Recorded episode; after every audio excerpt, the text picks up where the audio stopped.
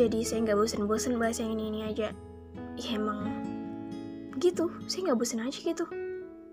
Kita tuh terlalu banyak dengerin omongan orang lain. Kamu harus kayak gini, harus kayak gitu. Nilai kamu harus setinggi ini. Kamu harus masuk universitas yang itu.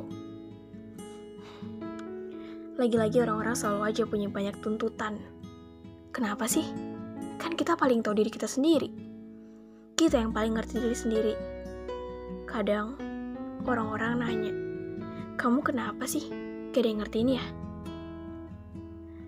Enggak kok, saya punya saya yang bisa ngertiin saya sendiri. Saya juga punya saya, sampai saya nggak ngerasa sepi. Saya nggak bisa nuntut orang lain buat mencintai saya. Yang harus saya perhatikan, bagaimana saya memperlakukan orang-orang dengan baik. Bagaimana saya mencintai orang-orang. Bagaimana saya tetap mencintai diri sendiri. Susah ya? Ya emang susah. Tapi lama-lama kebiasaan kok. Jadi baik itu nggak salah. Tapi kalau gue sedikit aja nggak punya, itu salah. Diri sendiri tahu kok mana yang baik, mana yang enggak. Kita punya tombol kontrol bukan di orang lain, bukan juga di kedua orang tua. Ya kita punya kontrol diri sendiri. Ya, itu kita yang jalanin. Bukan siapa-siapa. Nutup telinga aja kadang masih kedengaran suara orang sebanyak itu. Rasanya pengen teriak. Tapi buat sikap bodo amatan terus, jadi keras pendiriannya. Keren banget. Saya ngelakuin itu prosesnya tuh saya ingat banget itu susah banget nggak ngerti lagi pokoknya jadi ngucapin banyak kata terserah mau ada yang peduli maupun enggak ya terserah. Yang jelas yang udah peduli ini makasih banget. Serius deh. Jadi saya nggak perlu repot-repot mikirin yang gak peduli sama saya. Yang nguatin saya juga diri sendiri. Ingat banget setiap mau pergi sekolah saya punya ritual.